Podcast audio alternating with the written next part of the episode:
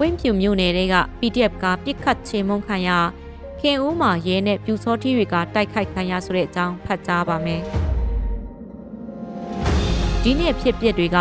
မကွေးတိုင်းထဲကပွင့်ဖြူမြို့နယ်ပသိမ်မုံရွာကားလန်မေဇလီတရာထိတ်မှာလက်နက်တွေတဲလာတဲ့ PDF တပ်ဖွဲ့ဝင်တွေရဲ့ထရက်ကားကိုစစ်ကောင်စီကတရာထိတ်မှာစောင့်ကြိုပစ်ခတ်တိုက်ခိုက်ခဲ့ပြီး PDF အဖွဲ့ဝင်စစ်နှုတ်တေဆုံးပြီး၃ဦးတန်ရာရတယ်လို့သတင်းတွေမှာဖော်ပြကြပါဗျ။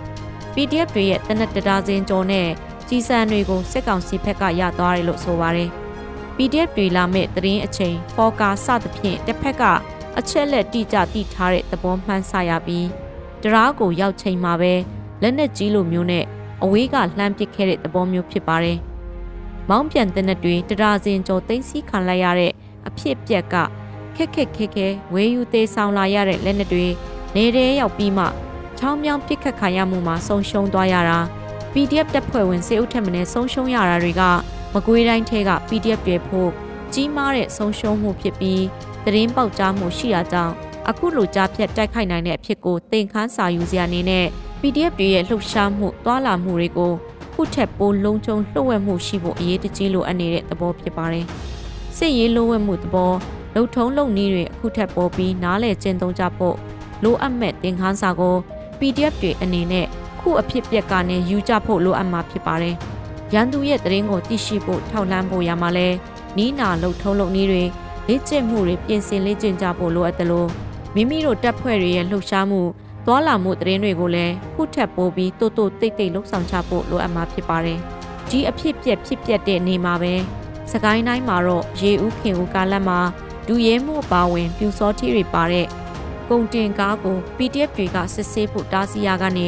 နှစ်ဖက်ပစ်ခတ်မှုဖြစ်ပြီးဒူရဲမှုအပါဝင်ပြူစောထီအဖွဲ့ဝင်စုစုပေါင်း10ဦးကျော်တေဆုံးတဲ့တရင်ဖြစ်ပါတယ်။မကွေးတိုင်းပွင့်ဖြူမြို့နယ်ကဖြစ်ပျက်တဲ့တနေ့တည်းဖြစ်ပျက်တဲ့စကိုင်းတိုင်းခင်ဦးမြို့နယ်ထဲကဖြစ်စဉ်မှာတော့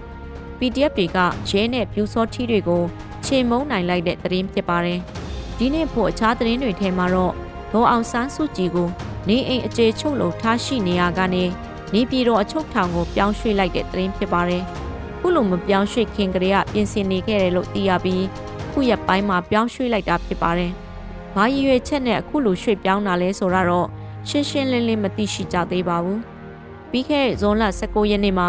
ဒေါ်အောင်ဆန်းစုကြည်မွေးနေ့ကြာရောက်ပြီးနောက်တရက်ရုံးထုတ်တဲ့နေ့မှာရှင်နေတွေက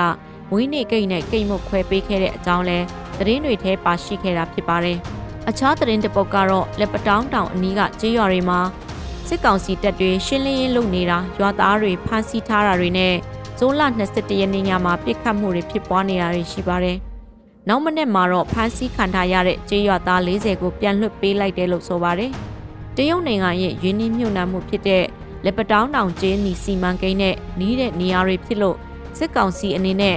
အခြားသောဒေသတွေထက်ကို ပိုပြီးတရိကြီးကြီးထားပြီးကင်တွယ်နေတယ်လို့ယူဆရပါတယ်။တရုတ်နိုင်ငံကစစ်ကောင်စီအပေါ်ဩဇာလွှမ်းမိုးမှုအတိုင်းအတာတစ်ခုထိရှိကောင်းရှိနိုင်မယ်လို့ယူဆရပြီးတရုတ်နိုင်ငံရဲ့ယင်းနှမြုံနှံမှုတွေကိုကာကွယ်ပေးရမယ့်ဝတ္တရားတော့ရှိနေတဲ့သဘောမျိုးတွေ့ရပါတယ်ရှင်။